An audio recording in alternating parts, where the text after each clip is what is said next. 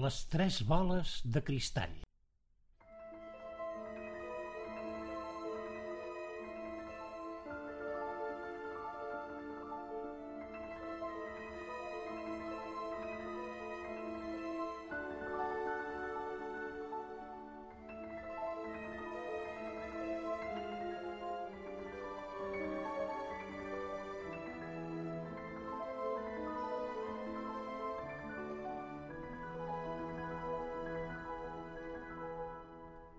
Vet aquí que una vegada, en un bosquet d'alzines vora el mar, hi havia una caseta on hi vivien la naneta, en Nut i la Nevi, tres nans remenuts i força eixerits. Cada nit els seus pares tenien el costum d'explicar-los-hi un conte. Quan la naneta, en Nut i la Nevi estaven acotxats dins el seu llit i ben tapats amb l'adredor que només treien el nasset, el pare o la mare començaven a explicar una bonica rondalla. Aquella nit, la mare els hi havia explicat una vella llegenda de l'indret i que explica que dins la cova que hi ha a l'altra banda del bosc hi viu el gegant de la neu que, com cada hivern, en despertar-se, escampa les seves lleganyes de neu i ho emblanquina tot. La naneta i en Nut s'havien espantat una mica amb aquest conte. No pas així la Nevi, que d'un temps ençà havia arribat a la conclusió que tot el que explicaven els contes era mentida.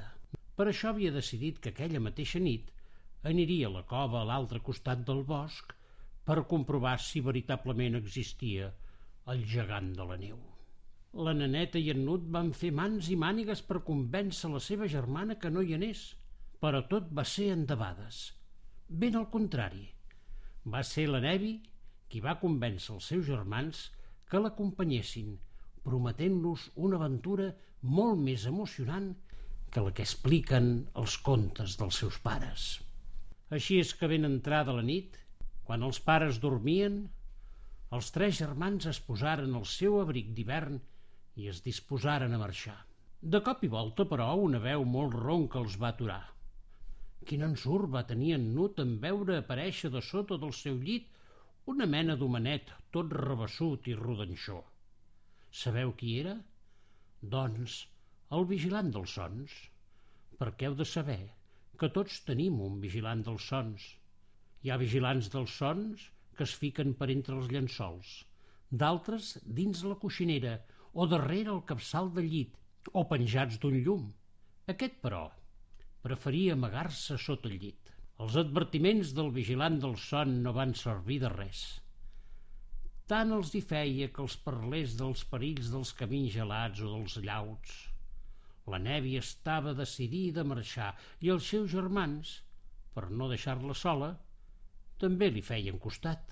El vigilant dels sons, aleshores, va agafar tres boles de cristall que guarnien l'arbre de Nadal i els hi va donar, tot dient-los que aquelles boletes tenien certs poders. La primera concedia un desig, la segona podia convertir-se en un meravellós regal i la tercera era el camí.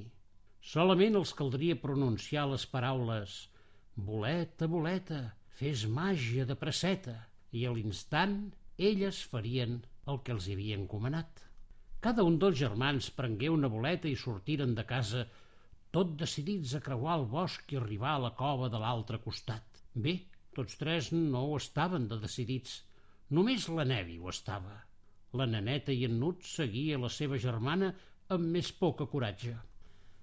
La llum de les seves llanternes els obria pas per entre les branques atapeïdes de neu del bosc dels cines i una bona estona més tard ja havien aconseguit atrevessar l'altra banda i es trobaven ben bé davant la cova on hi vivia, segons el vell conte de l'indret, el gegant de la neu.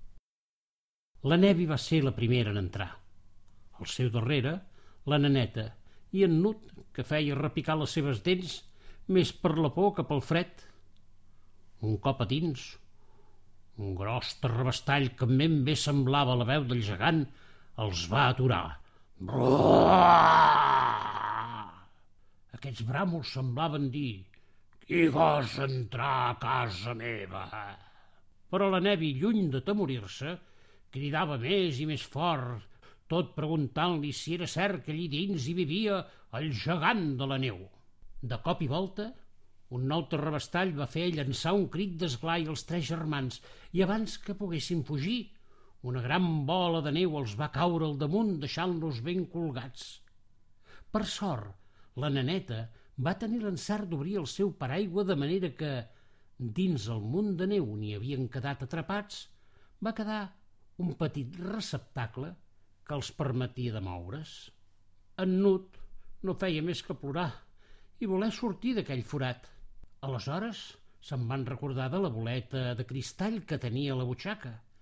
La va agafar amb les dues mans i tot desitjant que aquella neu es fongués, va pronunciar les paraules que li havia dit el vigilant dels sons. Boleta, boleta, fes màgia de presseta. Però el desig no s'acomplia. La neneta va tenir la pensada que si no ho desitjaven tots tres alhora, l'encanteri no tindria efecte.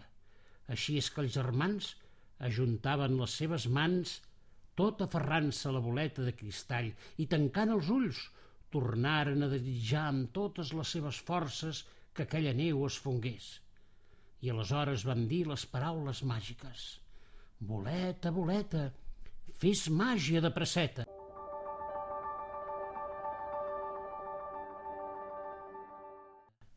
Què me'n direu? Tot d'una la neu es va començar a fondre i va esdevenir un gran rierol que lliscava de dins la cova fins al mar. El que no havien pensat els tres germans era que aquella neu convertida en aigua els arrossegaria sense massa contemplacions fins l'oceà. La Nevi feia mans i mànigues per agafar els seus germans mentre aquests cridaven i demanaven auxili. Prop d'aquell indret, un pescador feinejava llançant i recollint la seva xarxa. La pesca no era massa bona, però aquell dia, vet aquí, que en una d'aquelles amullades de xarxa va replegar els tres germans. Podeu comptar que content estava el pescador amb aquella pesca tan extraordinària. Mai no havia vist peixos semblants. La Nevi s'escarrassava tot dient-li que no eren peixos, però el pescador no venia raons. Deia que al cel hi viuen les aus, a la terra els homes i al mar els peixos, i com que ell els havia trobat al mar, no tenia cap mena de dubte que els tres germans eren tres peixos molt exòtics. I més content que un gínjol, va bogar amb la seva barqueta fins a port, convençut que al mercat algú li pagaria un bon preu per aquella pesca tan extraordinària. El mercat del poble era un d'aquells mercats plens de parades multicolors. Tant hi podies trobar una roba per fer un vestit com una gallina ponedora. Madonna Matilda i la seva filla Rosalba passejaven com cada dia de mercat, tafanejant les parades i regatejant el preu de totes les andròmines que els atreien. No és, doncs, d'estranyar que aquella pesca tan especial del pescador les captivés de seguida, especialment a Rosalba, que es delia per tenir la cosa més bonica del mercat. Madonna Matilda i el pescador van regatejar com era de costum, però la fi es van a venir a preu i tancaren el trac. La Nevi va aprofitar que Rosalba s'havia acostat a la xarxa per demanar-li que els deixés sortir. Quin crit va fer la noieta! Poc es pensava que els peixos parlaven. Madonna Matilda es va enfadar molt amb el pescador perquè li havia venut una cosa que no era un peix. Però en Pau, que així es deia el pescaire, va assegurar-li que la seva parada només hi venia peix i que quan algú s'hi acostava era perquè volia comprar peix, com Madonna Matilda. I a més, això de que un peix parlés no era gens estrany perquè, com tothom sap, els peixos també parlen i el que fa que no els sentim és que ells viuen sota mar. Tothom del mercat va donar la raó en Pau, així és que Rosalba no va tenir més remei que quedar-se amb la seva mercaderia. Naneta, que s'ho mirava tot amb uns ulls ben espornejants, va pensar en la boleta de cristall que ella guardava a dins de la butxaca i que podia convertir-se en un meravellós regal tal i com li havia dit el vigilant dels sons. I sense esperar cap altra cosa va oferir-la la Rosalba com a regal preuat a canvi que els deixés sortir de la xarxa. Una bola com aquella ja la tenia la Rosalba. És més, A casa seva n'hi havia un munt de boles com aquella, per tant, l'oferiment la va fer riure. Però aleshores els tres germans van ajuntar les mans i van dir les paraules màgiques. Boleta, boleta, fes màgia de presseta.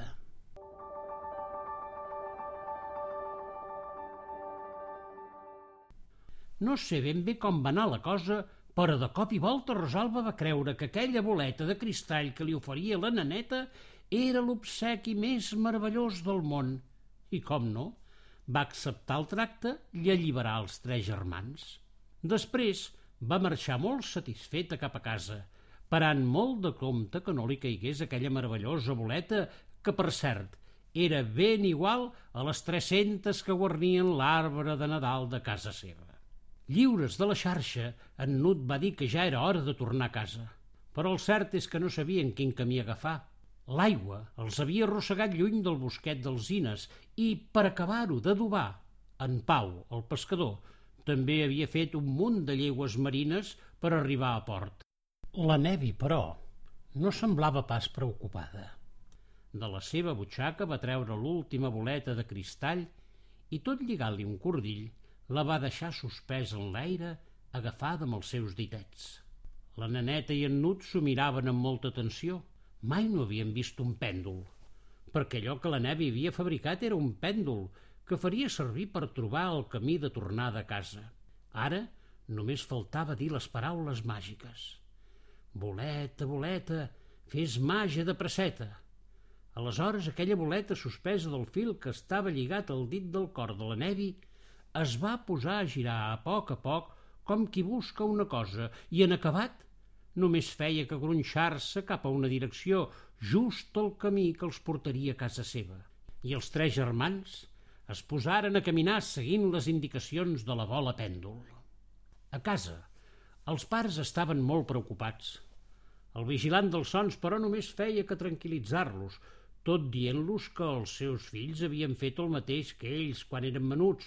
La mare no se'n recordava gens que ell hagués fet una cosa semblant, però el pare sí que ho recordava i també recordava que aleshores el vigilant dels sons li havia donat tres boletes de cristall com ara ho havia fet amb els seus tres fills. Fins i tot encara conservava la darrera boleta, la del pèndol, perquè molt sovint l'havia fet servir quan perdia el seu camí. La mare no recordava res de tres boletes de cristall, però el vigilant dels sons va assenyalar amb el seu dit un petit penjoll que duia al coll i que li havia regalat el seu avi. Ella mai no havia advertit, així a primer cop d'ull, que aquell petit penjoll tenia tota la pinta de ser un bonic pèndol.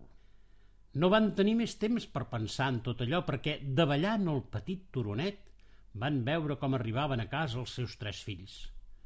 Podeu comptar les alegries i les festes. Tots estaven molt contents, tots, menys la Nevi. El vigilant dels sons s'hi va acostar per preguntar-li si havia trobat o no el gegant de la neu. La Nevi va dir que allí, a la cova, va sentir un bràmol molt fort que ben bé podia ser el crit del gegant, o potser el rebombori de la llau que els havia caigut al damunt. El vigilant dels sons va fer xerricar la llengua. Aleshores, Nevi, va dir amb un to greu, Creus que els contes expliquen mentides?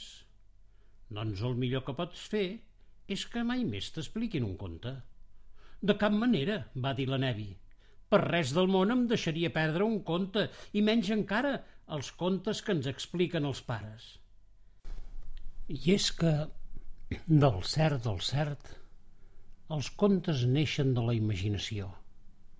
I la imaginació mai no diu mentides.